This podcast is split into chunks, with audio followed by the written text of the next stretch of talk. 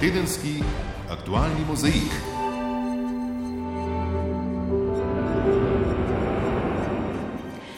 Spoštovani poslušalci, cenjene poslušalke, lepo pozdravljeni in vabljeni, da se nam pridružite v pregledu pestrega dogajanja, ki je zaznamovalo iztekajoči se teden.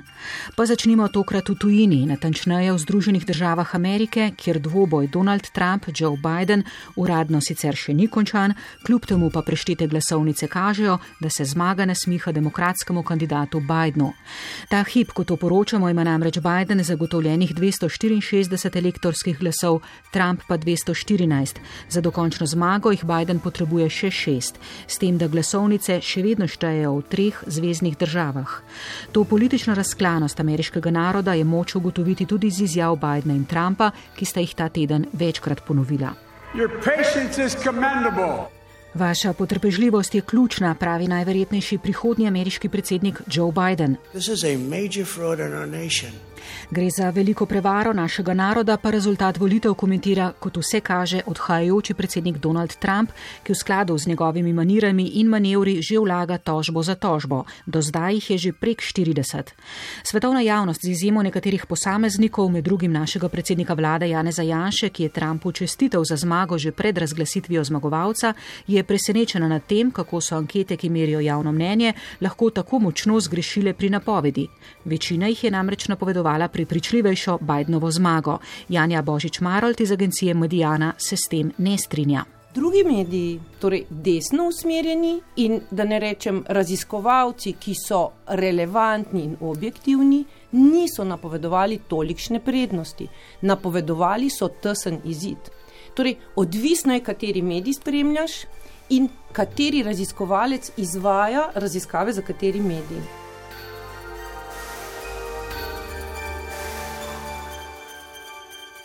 Naše dneve sicer še naprej krojijo številke na novo okuženih z novim koronavirusom.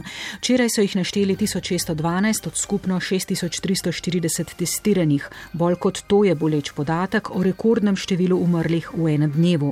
Včeraj jih je bilo 34. Bolnišnice so praktično zapolnjene, razmere so alarmantne, zdravstveni delavci so vse bolj utrujeni. In čeprav številke potrjenih novih okužb kažejo, da smo morda drugi val že prešli, v bolnišnicah tega ni zaznati, vodja intenzivne enote na Ljubljanski infekcijski kliniki dr. Matjaš Rep. Eno je vrh okužb v populaciji, kar se tega tiče, eh, upam, da smo ta vrh dosegli in da smo nekje na platoju. Kar se tiče vrha števila hospitaliziranih bolnikov, tako na navadnih kot na intenzivnih oddelkih, sem pa prepričan, da tega vrha še nismo dosegli. Namreč bolniki prihajajo v bolnišnico za določenim zamikom, se pravi, lahko vrh hospitaliziranih bolnikov pričakujemo v dobrem tednu, morda 14 dneh. Proti koncu novembra bo vse jasno. Oziroma, povedano politično, predsednik vlade Janez Janša. V bistvu nas čaka najmanj mesec dni trdega boja z virusom in na to še meseci velike previdnosti. Tako bomo lahko mogoče preprečili tretji val. Če v naslednjih tednih uspešni, bomo lahko božič in novo leto preživeli bistveno bolj normalno, kot smo preživeli zadnje krompirje počitnice. Tudi epidemija pa je za nekatere, kot kaže, samo posel. Protikorupcijska komisija je ugotovila sume kršitev protikorupcijskega zakona pri nabavah zaščitne opreme. Predsednik APK-ja Robert Šumi. Zaradi česar bomo v nadaljevanju uvedli ustrezne postopke preiskav. Ugotovili smo tudi sume kršitev z področja pristojnosti drugih organov, katerim bomo naše ugotovitve posredovali v pristojno obravnavo. In če še nekoliko ostanemo pri pandemiji, zagotovo so med žrtvami pandemije tudi otroci, sploh tisti najmlajši v prvih razredih osnovnih šol. V skladu z ukrepom za omejitev pandemije namreč v ponedeljek šole vrata spet zapirajo za vse. Pouk se bo v vseh osnovnih, srednjih in glasbenih šolah izvajal nadaljavo.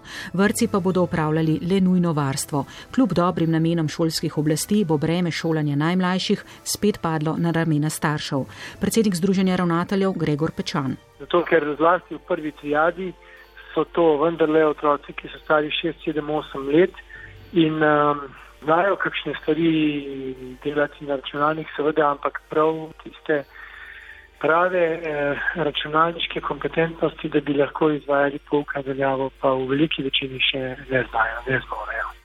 In medtem, ko se torej javno življenje vse bolj ustavlja, se vse bolj ustavlja tudi gospodarska aktivnost. Evropska komisija nam je za letos napovedala 7 odstotni padec BDP-ja, prihodnje leto pa 5 odstotno rast. Ekonomist dr. Črtko Stevc komentira, da lahko odboj v obliki črke V kar pozabimo. Ta odboj, ne, ki, ki je bil napovedovan za leto 2021, je verjetno najbolj negativen del napovedi Evropske komisije in sicer, da so torej umirjajo pričakovanja o moči tega odboja. Slovenska podjetja stisnjena v kot zaradi pandemije zato še naprej potrebujejo pomoč. Vlada bo tako še danes obravnavala že šesti svežen interventnih ukrepov. Izvršni direktor na gospodarski zbornici Mitja Gorenščak. Mislimo, da je situacija trenutno bolj podobna situaciji iz začetka te krize, to pomeni PKP-1, zato mislimo, da bi bilo marsikaj, kar je, bilo, eh, kar je veljalo v PKP-1, potrebno obuditi. In medtem, ko se torej iščejo poti za čim hitrejši izhod iz daljšnje pandemije in njenih posledic, ki so prodrle že vse pore našega življenja, se zgodijo nedoumljive stvari. Da si šrekli, da si ena katastrofa. To je groza, katastrofa. Dunaj je bil vedno mirno mesto. To je bil napad iz sovraštva do naših temeljnih vrednot, do našega načina življenja, do demokracije. Takole sta teroristični napad v središču avstrijske prestolnice v začetku tedna v prispevku naše dopisnice Petre Kos Gnamuš komentirala meščan Dunaja in zvezdni kancler Sebastian Kurz. V terorističnem napadu privrženca skrajne islamske države so umrli štirje ljudje, 22 pa jih je bilo ranjenih. Tako na Dunaju, pri nas pa še vedno odmevajo četrtkovi protesti proti vladi, ki so se prelevili v nasilne izgrede. V njih je bilo poškodovanih 15 policistov, huje ranjen pa fotoreporter, ki so ga nasilneži zahrbno napadli in pretepali tudi, ko je bil že v nezavesti. Nedoumljivo. Domnevno naj bi bili za nasilje odgovorni pripadniki kriminalnega podzemlja. Direktor policijske postaje Ljubljana Stanislav Vrečar. Je šlo za večinoma mlajšo populacijo. Glede ostalega zbiramo podatke in vam tega ne morem še zdaj v tem momentu povedati prav gotovo, da niso prišli mirno protestirati, ampak da so prišli povzročati zgrede in pa napadati policiste. Odgovora torej še ni. Notranji minister Aleš Hojs je sicer del odgovornosti za nasilje pripisal medijem. Pravim, da ste vi, mediji, so odgovorni, da se to dogaja. Mesece ste jih v bistvu uh, podpirali pa jim dajali uh, kruha, dajte, dajte, dajte. No. razbite še kaj. Zdaj pa imate, vidite. Če pristanemo na ministrovo tezo, da smo mediji del problema, pa se seveda ni moč izogniti tudi naslednji tezi oziroma kar dejstvu in sicer, da je del problema tudi politika. Tedenski aktualni mozaik. Zdaj pa najprej v Združene države, z nami je naš dopisnik Andrej Stopar. Lepo pozdravljen, Andrej. Dobro dan želim. Kakšno je vzdušje v Združenih državah, ko se na eni strani vsak hip pričakuje, da Joe Biden razglasi zmago na predsedniških volitvah, po drugi pa zdajšnji predsednik Donald Trump pospešeno vlaga tožbe in pritožbe zaradi domnevno nepoštenega dogajanja na volitvah? Vzdušje je napeto, ampak zmeraj bolj. Uh, ta napetost na nek način popušča, kajti uh, jasno je, zmeraj bolj jasno, da je zmagovalec Joe Biden in zdaj mislim, da že vsi pričakujejo, uradno razglasitev Joea Bidna kot zmagovalca teh volitev.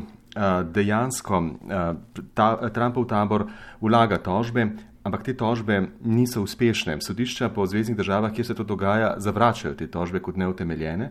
Um, skupna rdeča nit teh tožb je uviranje, domnevno uviranje m, pristopa oziroma dostopa republikanskih opazovalcev do štetja glasov, pa goljufije pri, pri samih glasovnicah in tako naprej, ampak sodišča to, kot sem rekel, zavračajo. Neka možnost bi obstajala, če bi bile razmere podobne razmeram leta 2000, kjer je na koncu vrhovno sodišče odločalo in so glasove šteli na Floridi, recimo ponovno, ampak tam je bila res mini, minimalna razlika, manj kot 600 glasov, ki so potem odločali o izidu eh, volitev eh, takrat na državni ravni. Tako da Tega to, tokrat ni. Tukaj so razlike sicer majhne, ampak v več državah in dlje štejejo, več, um, večji delež teh na zadnje preštetih glasovnic bi moral dobivati Donald Trump, da bi lahko, da bi lahko prehitel uh, Joe Bidena. Nekoliko zapleteno se vse tukaj sliši, ameriški sistem je izjemno zapleten in še dodatno uh, so. Um, so težave zaradi pandemije in zaradi teh novih pravil, ki so jih marsikatere države uvajale tik pred zdajci in tudi sami uradniki, ki štejejo, niso navajeni mm, na ta proces. Tako da temu predvsem bi lahko pripisali to zamudo in to mučno čakanje. Eh, kot praviš, sodišča večinoma zavračajo pritožbe Donalda Trumpa, eh, pa vendarle glede na te sodne postopke, nekateri se eh, prič, pričakujemo obetajo, kdaj bi lahko Združene države razglasile ime zmagovalca, kdaj bi lahko Združene države dobile svojega novega predsednika. Se pravi, če bi se ponovila zgodba iz leta 2000, bi trajalo še slab mesec dni toliko časa, toliko časa uh, so takrat potrebovali sodniki in v smlin, da je domljiv do konca. Ampak tokrat, ker, je, ker so razmere vendarle drugačne, bi se to lahko zgodilo bistveno prej. Uh, pravzaprav niso redki opazovalci tukaj, ki pričakujejo ta razglasitev danes, jutri, skratka že ta konec tedna. Ne glede na to, da so se v Džordžiji odločili, da bodo šteli še enkrat, kajti tam je razlika približno 1500 glasov na ravni uh, države Džordža. Tako da, ampak to je samo ena od držav, Vedeti pa moramo, da je um, uh, Joe Bidena podprlo za 4 milijone več ljudi kot uh, Donalda Trumpa in da je pravzaprav, če dobi samo Pensilvanijo, uh, nobena druga država, ki je še odprta v tem trenutku, ne more več spremeniti um, izida. Uh, Joe Biden prestopi prag 270 elektorskih glasov in s tem uh, izpolni vse pogoje, vse kriterije za predsedniško zmago.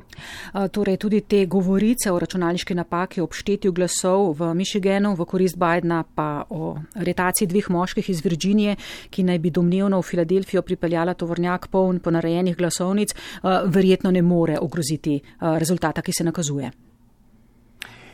Te stvari je treba najprej dokazati. In vedeti moramo, da je v Združenih državah Amerike na pohodu uh, gibanje teoretikov zarote. Uh, In dokazi, na kateri se, na kateri se opira Trumpov tabor, vsi po vrsti prihajajo iz tega zaliva QAnon, eh, iz njihovih spletnih strani.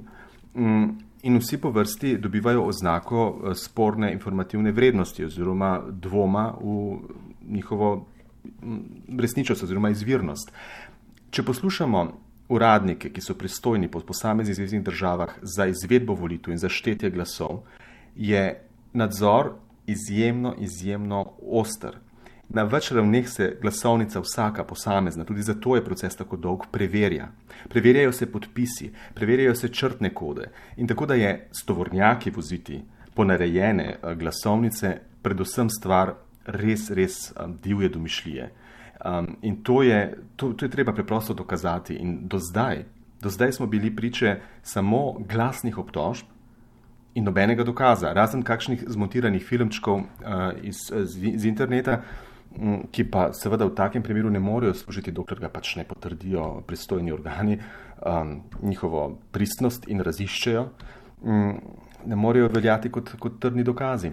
Tako da zelo dvomim, da, bo iz, da bo iz te moke na koncu kaj veliko kruha.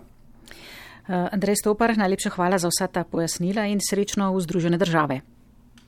Hvala lepa in vse dobro v Slovenijo. No, povoljno dogajanje v Združenih državah Amerike pa zaposluje tudi komentatorje in politične analitike, ki prav tako težko ne povejo razplet. So si pa edini v oceni, da se predsednik Donald Trump ne bo udal kar zlahka. Pred Združenimi državami so napeti časi, ključno je vprašanje, kako dolgotrajna bo kriza v državi in kako bodo iz nje šle njene temeljne institucije. Nekaj komentarjev je povzela Sandra Krišal. Za Združene države Amerike prihaja politična negotovost. Napetosti, ki bodo verjetno trajale nekaj časa, kar je najavil predsednik Donald Trump, ne mudoma, ko je tehnica pokazala tesen izid volitev.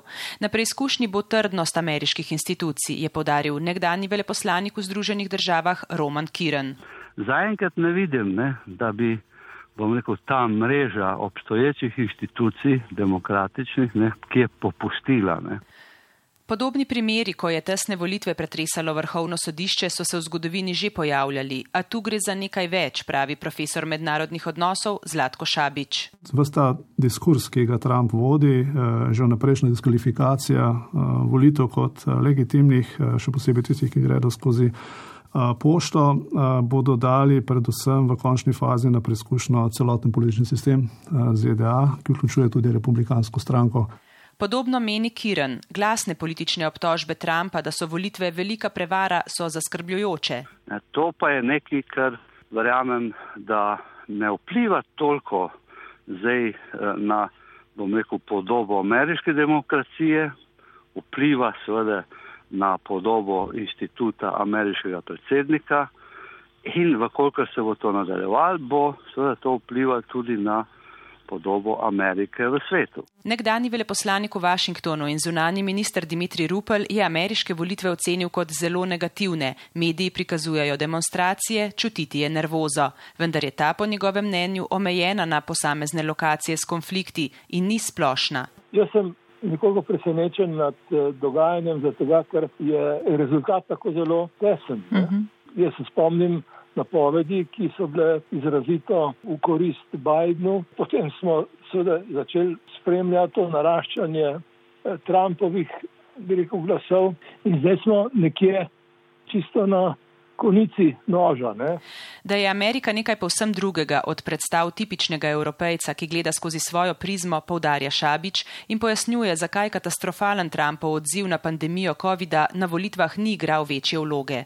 Joe Biden je kandidiral kot človek, ki bo pripeljal Ameriko v tisto preteklost, ki se nekateri spomnijo kot zlato preteklost, ne, se pravi obdobja, ko je bilo mogoče sodelovanje med republikanci in demokrati, obdobja pred eh, krizo 2008 in pred Trumpom. In vprašanje, če je ta Amerika in če je ta politična kultura, na katero nostalgično gleda nazaj Biden in tudi del njegovih voljivcev, dejansko še vedno obstajajo. Vse skupaj bo v Združenih državah k malu lanski sneg, če ne bo večjega pretresa institucij, meni Kiren. A ob spoznanju, da nihče ni imun na anomalije in Trump je anomalija ameriške demokracije, še pravi. In kako bo novi predsednik vodil simetrično razdeljeno Ameriko ob razklani politiki in kongresu? Jaz bi vprašanje postavil drugače kakšna bi bila tako razdeljena Amerika z naslednjimi štirimi leti Trumpa kot predsednika. Namreč Trump se je že doslej izkazal, ne, da skrbi pač zgolj za rekel, svojo volivno bazo, tega mnenja druge polovice Amerike sploh ne zanima. Vendar tudi za Joea Bidena v primeru zmage pot čez daleč ne bo lahka. Zgodovinar in komentator Luka Lisjak Gabrielčič. To je država priseljencev. Oni, so, oni imajo v genetskem zapisu, da, se morajo, da, se, da morajo preživeti. In oni imajo v genetskem zapisu to, da v bistvu žrtve so pa sestavni del uh, preživetja. In uh, deluje očitno to tako, da, je, da, je, da so v bistvu vse te žrtve kolateralna škoda, ki jo bo gladko pozabili. Tisti moment, ko bo spet gospodarska rast, tisti moment, ko bo spet delovna mesta, tisti moment, ko bo službe. Dimitri Rupel je sicer prepričan, da Amerika ni tako močno razklana. To je običajno za volitve, so pa te pokazale na nekatere spremembe. Ne glede na to, kdo bo predsednik, dejstvo je, da se je Amerika rekel, precej ozrla vase, obrnila k sebi, se začela nekoliko bolj izolirano obnašati, do, predvsem do Evrope, seveda. Ruplu se zdi ključno predvsem, ali bo Slovenija z Združenimi državami uspela ohraniti dobre odnose. Potrebno je veliko zadržanosti, spodobnosti in potrpežljivosti in da ne prehitevamo z drastičnimi komentarji o razpletu procesa, še pravi. Kaj pa čivk predsednika vlade o zmagovalcu? Vsak tudi politični voditelj ima pravico do izražanja svojega mnenja, meni Rupel. Morda so se komu dvignile obrvi, ampak na zadnje to bo jutri pozabljeno tedenski aktualni mozaik. Slovenija je, če sklepamo po številkah, dosegla vrh drugega vala epidemije. Dnevni prirast novo okuženih se umirja, seveda pa so številke še zmeraj visoke. Še nekaj časa pa bodo na udaru bolnišnice, kjer vrh števila hospitaliziranih pričakujejo šele v tednu ali dveh. Že nekaj časa pa jim primankuje zaposlenih, prostora, opreme. Prav tako smo v minulem tednu poročali o največ umrlih doslej, zato tudi ni še čas za pomembnejše sproščanje ukrepov. Več Ernest Trniša.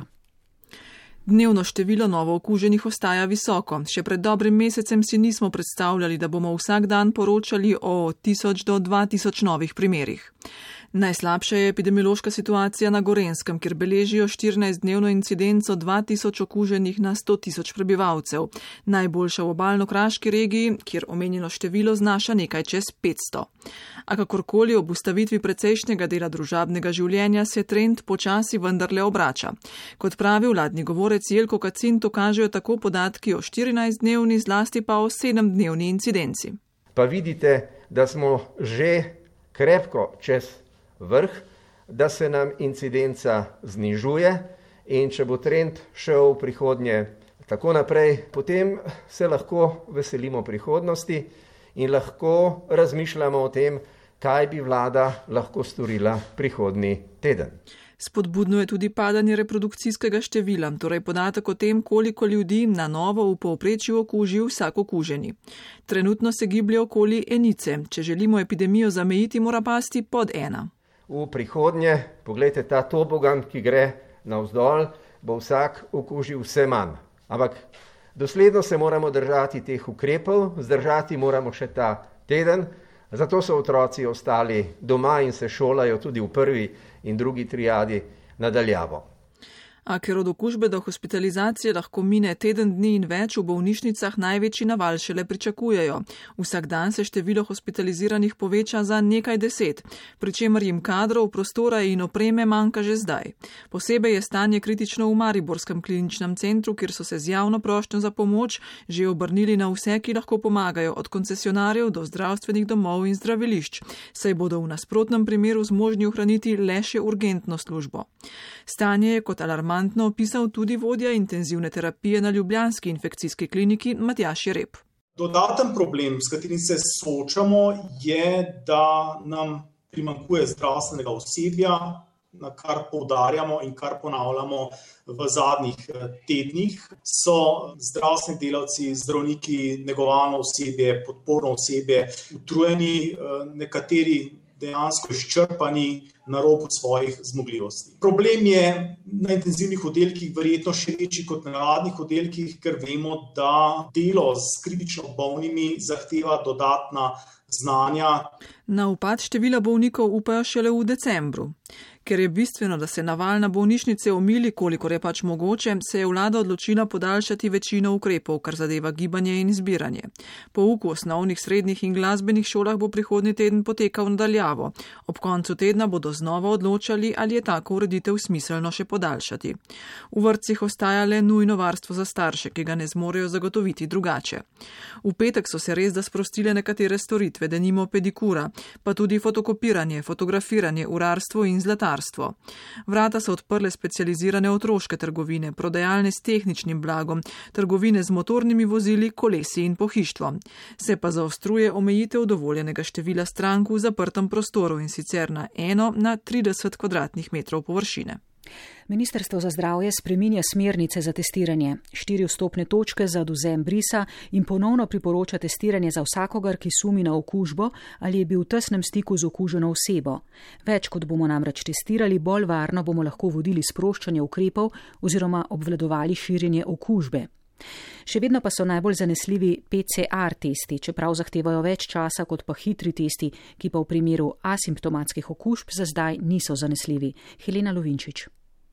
Čeprav je dnevno število testov nekoliko manjše kot pred dvema tednoma, torej pred spremembo testiranja, smo še vedno v povprečju evropskih držav.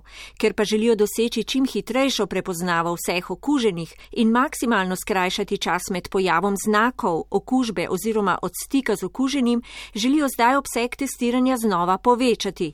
Trenutno je v državi 50 vstopnih točk za oduzem brisa, te želijo, je povedal minister Gantar včeraj za naš radio, še razširiti širiti. Izdali pa smo tudi navodila, da morajo ta vstopna mesta seveda delati ne eno uro ali dve uri na dan, ampak bistveno več oziroma nihče, ki potrebuje testiranje, ne sme čakati več kot 24 ur. Res vsak, ki ima znake, ki je bil v kontaktu, potrebuje test.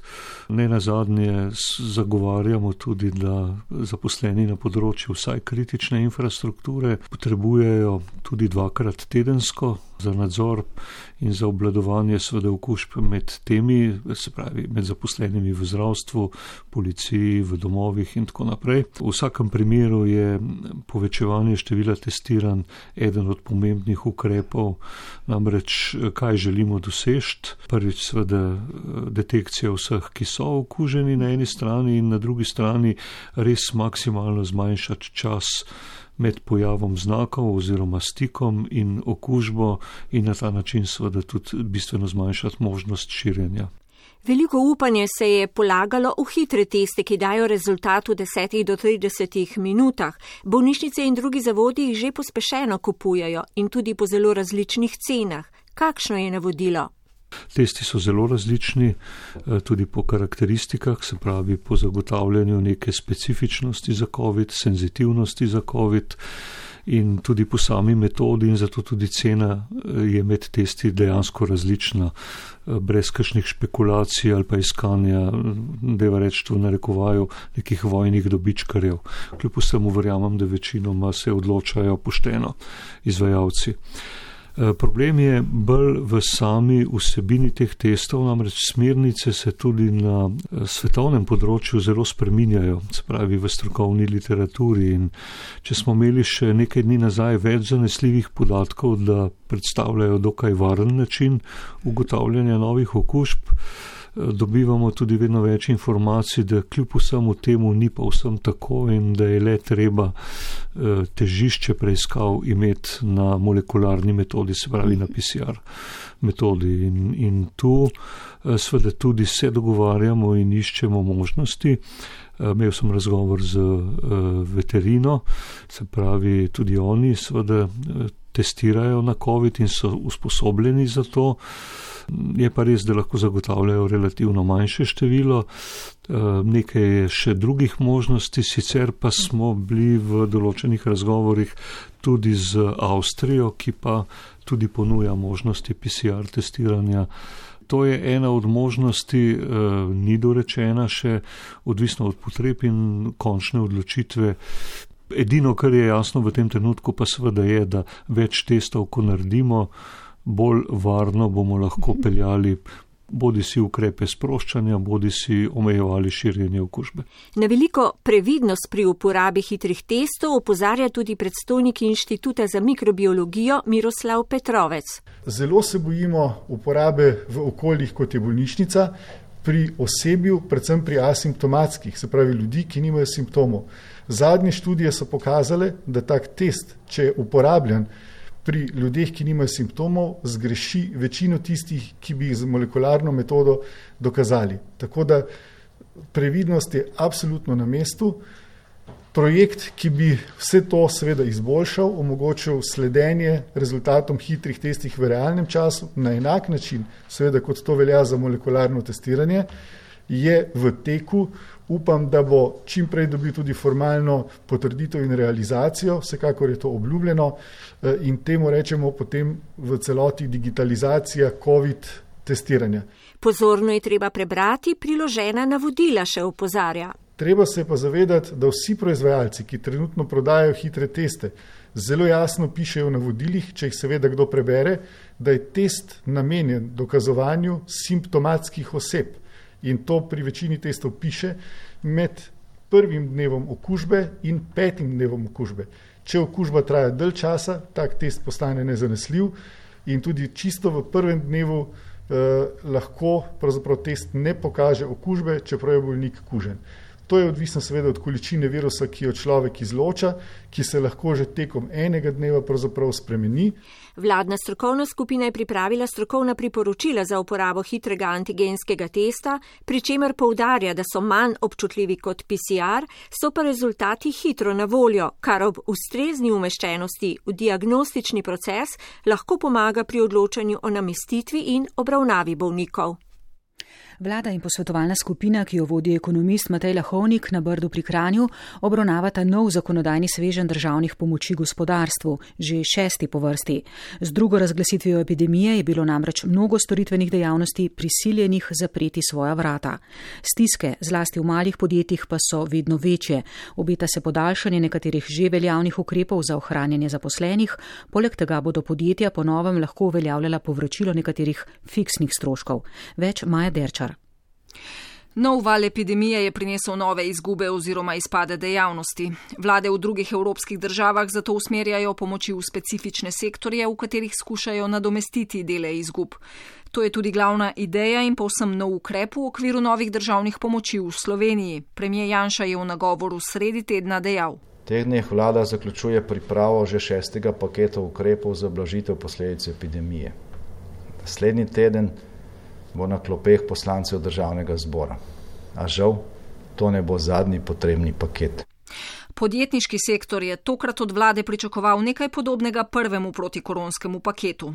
Svoje predloge so na vlado posredovali delodajalske oziroma gospodarske organizacije, usklajevale so se z gospodarskim ministrom Zdravkom Počivalškom in vodjo posvetovalne skupine Matejem Lahovnikom. Šesti protikoronski svežen, ki ga vlada pravkar pretresa, vsebuje podaljšanje veljavnosti zaposlitvenih ukrepov, to sta čakanje na delo in subvencioniranje skrajšanega delovnega časa. Poleg tega se podjetjem obeta tudi pokritje fiksnih stroškov do neke meje. Vlada pri tem v večji meri upošteva zamisli delodajalskih organizacij. Mitja Gorenšček v imenu gospodarske zbornice in Branko Meh v imenu obrtno-podjetniške zbornice o pričakovanjih. Radi bi, da se obdrži nadomestilo za skrajšani delovni čas, s tem, da se nadomestila obračunavajo drugače, ne več paušalno, vendar procentualno na višino plače. Eh, želimo, da se čakanje na delo uh, uveljavi na način, kot je bilo v PKP eh, ena, to pomeni večje nadomestilo in manjši procentualni uh, pogoj. Seveda se pa nam zdi zelo smiselno to, kar je vlada napovedala, da bo uh, za likvidnost podjetja namenila do 100 tisoč za mikro in mala podjetja, 500 tisoč za srednja podjetja in 700 tisoč za velika podjetja. Šesti paket, kot omenjeno, predvideva podaljšanje ukrepa čakanja na delo in to menda brez zaustritve pogoja. Ta naj bi ostal pri 20 odstotnem pacu prometa glede na lani. Višina nadomestila za čakanje ne bo več omejena z denarnim nadomestilom za primer brezposelnosti, pač pa, kar je ugodneje, s povprečno plačo, ki znaša neto okrog 1177 evrov. Subvencija za skrajšani delovni čas, kljub pripombam gospodarstva, ostaja nespremenjena, njeno koriščenje se podaljša do konca konca junija 2021. PKP6 za podjetja predvideva tudi podaljšanje moratorija na odplačevanje bančnih posojil za 12 mesecev. Zanimivo bo slišati zlasti, kaj o tem menijo banke. In PKP6 menda dviguje zgornji znesek glavnice kredita z jamstvom države, zdajšnjih 10 odstotkov na verjetno 25 odstotkov letnih prihodkov od prodaje. Med ključnimi novimi ukrepi pa je pokrivanje fiksnih stroškov podjetij. Vlada bi utegnila podpreti različico, po kateri bi prizadeta podjetja za čas med 1. oktobrom in koncem leta predložila dejanske stroške, zaradi katerih so utrpela izgubo. Najverjetneje so to komunala in energetika, stavbno zemlišče, najemnina in zavarovanja. Vsaj takšen je bil predlog GZS-ja. Država bi podjetjem na to, glede na izgubo ali upad prometa, te stroške povrnila. V dozdajšnjih predlogih je veljalo, da bi bila pomoč omejena na vzgor, za mala podjetja do 100 tisočakov. Gospodarska interesna združenja so vse čas opozarjala, da pri dokazovanju stroškov ne sme priti do komplikacij. Stroški so računovodska kategorija, torej jih ne bo težko predložiti. Kdor pa bi želel goljufati pri prikazu izgube ali upadu prometa, ga lahko finančna uprava pregleda za deset let nazaj. Pod črto, Peti protikoronski paket ne zadostuje, od tot šesti, namenjen zlasti v drugem valu zaprtim podjetjem. Vlada bo zakonodajni paket sprejela predvidoma nocoj. Državni zbor naj bi ga potrdil do konca meseca. Spoštovani Poslušalci, cenjene poslušalke, novi ameriški predsednik bo Joe Biden. Kot poroča ameriška televizija CNN, je osvojil zahtevano večino elektorskih glasov, natančneje 273. Podrobneje pa v poročilih ob 18. in v radijskem dnevniku ob 19. še prej pa ob koncu naše odaje Tedenski aktualni mozaik za našim dopisnikom iz Združenih držav Andrejem Stoparjem.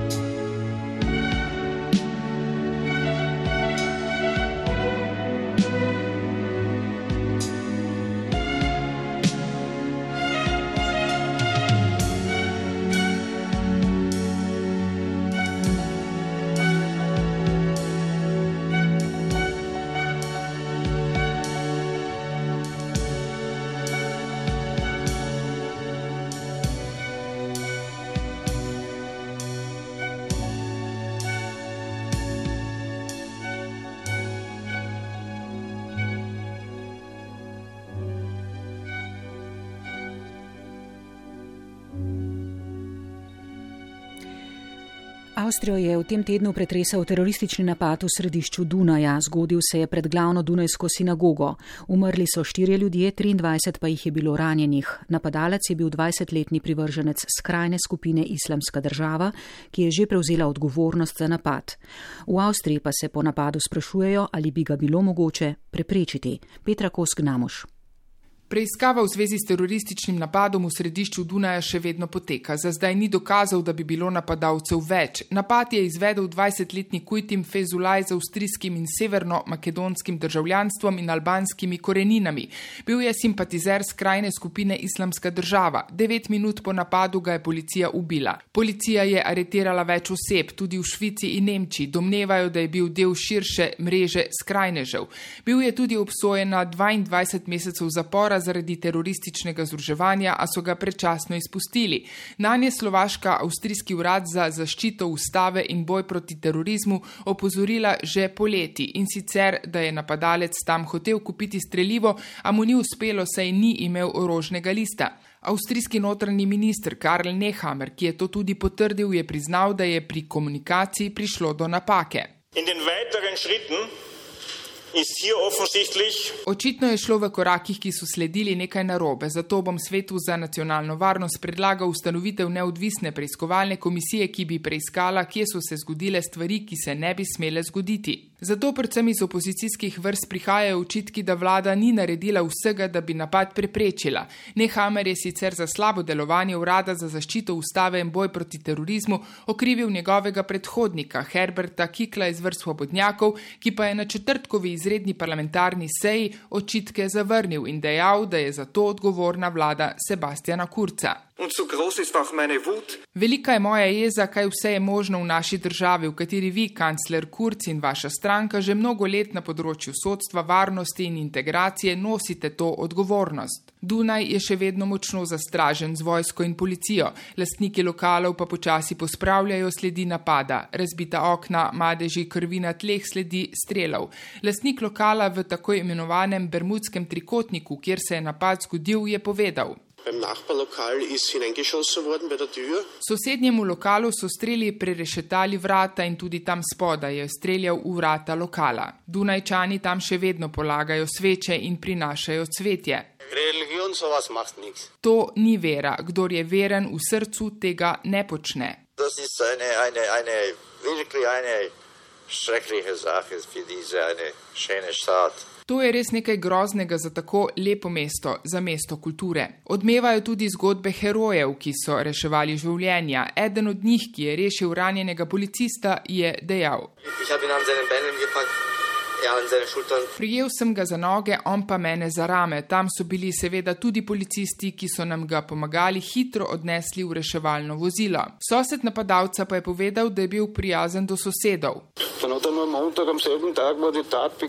V ponedeljek, ko je zagrešil zločin, je starejši gospe pomagal nesti nakupljeno po stopnicah. Zvezdni kancer Sebastian Kurz je napovedal odločen boj proti terorizmu allen bewusst sein, dass das keine Auseinandersetzung von Christen und Muslimen. Zavedati se moramo, da to ni spor med kristijani in muslimani ali med avstrici in migranti. Ne, to je spopad med večino, ki verjame v mir in manjšino, ki želi vojno.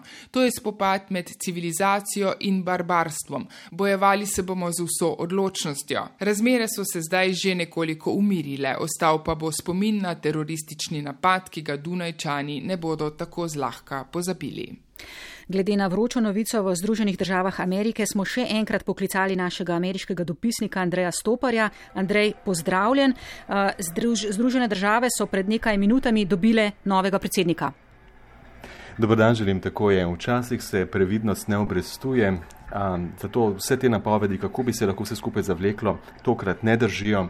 Predsed, eh, Združene države Amerike, kot rečeno, so dobile 46. predsednika, čakamo na govor Joe, govor Joea Bidna, kajti s tem, ko je Pensilvanija sporočila, da je štetje tako daleč, da rezultata, pravzaprav glasovnice, ki še niso preštete, ne morejo več spremeniti, je Joe Biden dobil še 20 elektorskih glasov iz te zvezdne države, kar pomeni, da je presegel prak 270 elektorskih glasov, ki ga potrebuje za zmago, dobil je najmanj 273 glasov, torej, tako da ni dvoma, kdo je novi ameriški predsednik. Če slučajno slišite hrup nekje v daleč v zadju, to so odprta okna moje pisarne in to je zvok eh, Washingtona, mesta, ki sicer tukaj ni tako tipično, kajti eh, v Washingtonu je rezultat takšen, da je Joe Biden dobil kar 93 odstotno podporo.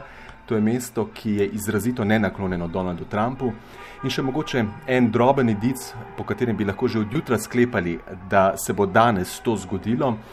Ne samo, da je predsednik Trump izjemno aktivno tvital tvite, ki so jih uh, na Twitterju um, označili s posebno oznako, namreč da ne držijo, da kalijo oziroma da meglijo dejansko stanje.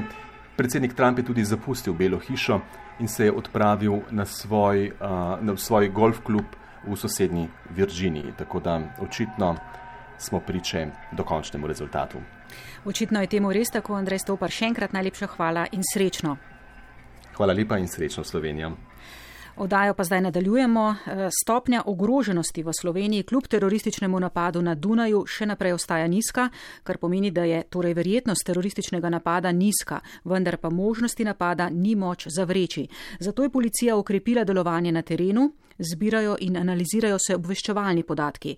Varnostni strokovnjaki pa upozarjajo, da se je treba zavedati, da Slovenija ni imuna na to vrstna dogajanja, še posebej ob dejstvu, da so zadnji teroristični napadi povezani tako z Zahodnim Balkanom kot tudi migracijskimi tokovi, ki gredo prek naše južne meje. Robert Škorjanc. Slovenija zaenkrat ostaja na drugi od petstopenske lestvice ogroženosti. V preteklosti smo sicer poznali le tristopensko lestvico, ta je bila v veljavi od leta 2004, leta 2016 pa smo začeli uporabljati petstopenski model za določanje stopnje teroristične ogroženosti. Prva na lestvici je zelo nizka ogroženost, kjer je verjetnost napadov neznatna. Sledi nizka stopnja ogroženosti, v kateri smo trenutno, kjer je verjetnost napada nizka, vendar pa ga ni mogoče zavreči. Tretja stopnja je označena z rumeno in pomeni srednjo ogroženost, to pomeni, da obstajajo indikatorji grožen, ki bi se uresničile v kratkoročnem obdobju. Napad je zato zelo verjeten oziroma pričakovan. Četrta stopnja visoke ogroženosti pa pomeni, da se bodo grožnje verjetno uresničile v kratkoročnem obdobju, točno določeni cilj ali časovni okvir pa še nista znana. In še zadnja, rdeča stopnja, govori o zelo visoki ogroženosti, kjer pa so popolnoma jasni indikatorji neizbežnih groženj, torej so znani tudi čas, namen in cilj. In čeprav posebna medresorska skupina za ocenjevanje ogroženosti meni, da je naša ogroženost zaenkrat nizka, pa so policisti vseeno ukrepili delo na terenu. Na meji pa tako ali tako že zaradi nadzora epidemije COVID-a postreno delujejo. Pripravljajo tudi varnostne ocene, v katerih opredeljujejo varnostno obremenjena območja, prioritete pri tem pa so preprečevanje kaznjivih dejanj, vzdrževanje in vzpostavljanje javnega reda in miru, zagotavljanje hitre in učinkovite intervencije ter zaščita žrtev kaznjivih ravnanj. Da napad na Dunijo ni neko presenečenje, pa so si enotni vsi varnostni strokovnjaki, s katerimi smo govorili. Denis Čaleta tako meni, da je Dunajski dogodek. Samo en uh, vrh ledene gore, ki je pač zdaj uh, neposredno viden tudi skozi te uh, aktivnosti teroristične, ki se dogajajo ne samo v Franciji, ampak tudi širše po Evropi. In vse to ima še kako veliko povezavo tudi s procesi radikalizacije in pa vračanjem borcev iz bojišč Sirije pred časom, uh, ampak nažalost smo zaradi uh, obdobja korone relativno kar pozabili na ta pereč problem, ki se uh, dogaja v Evropi. Istok Prezel pa pravi, da moramo razloge za tako zgostitev tovrstnih terorističnih dejanj v tako kratkem času iskati Prvi razlog bi bil ta, da je verjetno prišlo do uh, više stopne konsolidacije same islamske države in islamska država želi s temi napadi pošiljati sporočilo uh, eksterni javnosti, torej Zahodnji Evropi, da je še vedno živa in močna in sposobna in pa interni javnosti, da so pač napadi še vedno možni in da uspeh proti teroristične koalicije v Siriji uh, islamske države ni uničil. Nekdani šef vojaških obveščevalcev Marjan Miklavčič pa pozarja, da Slovenija pri zagotavljanju evropske varnosti in preprečevanju terorizma nosi veliko odgovornost. Veliko odgovornost zlasti v smislu varovanja šengenske meje, kar posledično pomeni, ne, da bomo mogli tudi mi na tem področju zaustriti torej ukrepe, ukrepe na meji, omejevati nelegalne, nezakonite migracije in tako za svojo participacijo nekako tudi pomagati in kreirati evropsko, evropski varnostni prostor. Nekdani šef Sove Andrej Rupnik pa je dejal, da bo odločen terorist vselej našel pot za morilski napad. Ob tem pa je jasno, da bi se ob popolni varnostni kontroli vseh in vsakogar na krajih masovnega zbiranja ali gibanja ljudi dinamika življenja, kot ga poznamo, ustavila. Posegi v našo svobodo pa bi bili nesorazmerni stopni trenutnega in dejanskega varnostnega tveganja. V tem trenutku in ob ugotovljeni stopni teroristične ogroženosti Slovenije zato po Rupnikovi oceni zadostujeta povečana čuječnost in doslednost izvajanja obstoječih ukrepov. Preventivno pa bi bilo treba načrtovati in izvesti še vrsto sistemskih ukrepov za primer povečane stopne teroristične ogroženosti. Tedenski aktualni mozaik. Naše druženje se počasi izteka, dovolite, da pogledamo le še, kaj se bo dogajalo prihodnji teden. V ponedeljek se zaradi ukrepov povezanih z bojem z opr pandemijo spet zapirajo vsa šolska vrata. Šolari v osnovnih šolah in dijaki v srednjih se bodo šolali nadaljavo, vrtci pa bodo upravljali nujno varstvo. Pričakovati je, da bo v državnem zboru na poslanskih klopeh tudi že gradivo šestega PKP zakonskega svežnja namenjenega za pomoč podjetjem, ki ga vlada prav zdaj obravnava. In še malce lahkotnejši dogodek, Martinovanje v sredo, bo precej drugačno, kot smo ga bili vajeni v preteklih letih. Kljub temu si ga v krogu najbližjih naredite prijetnega. Od vas se poslavljamo voditeljica Urška Jereb, urednica Snežana Iljaš in tonski mojster Ambrož Cirej. Ostanite zdravi, pazite na se in srečno.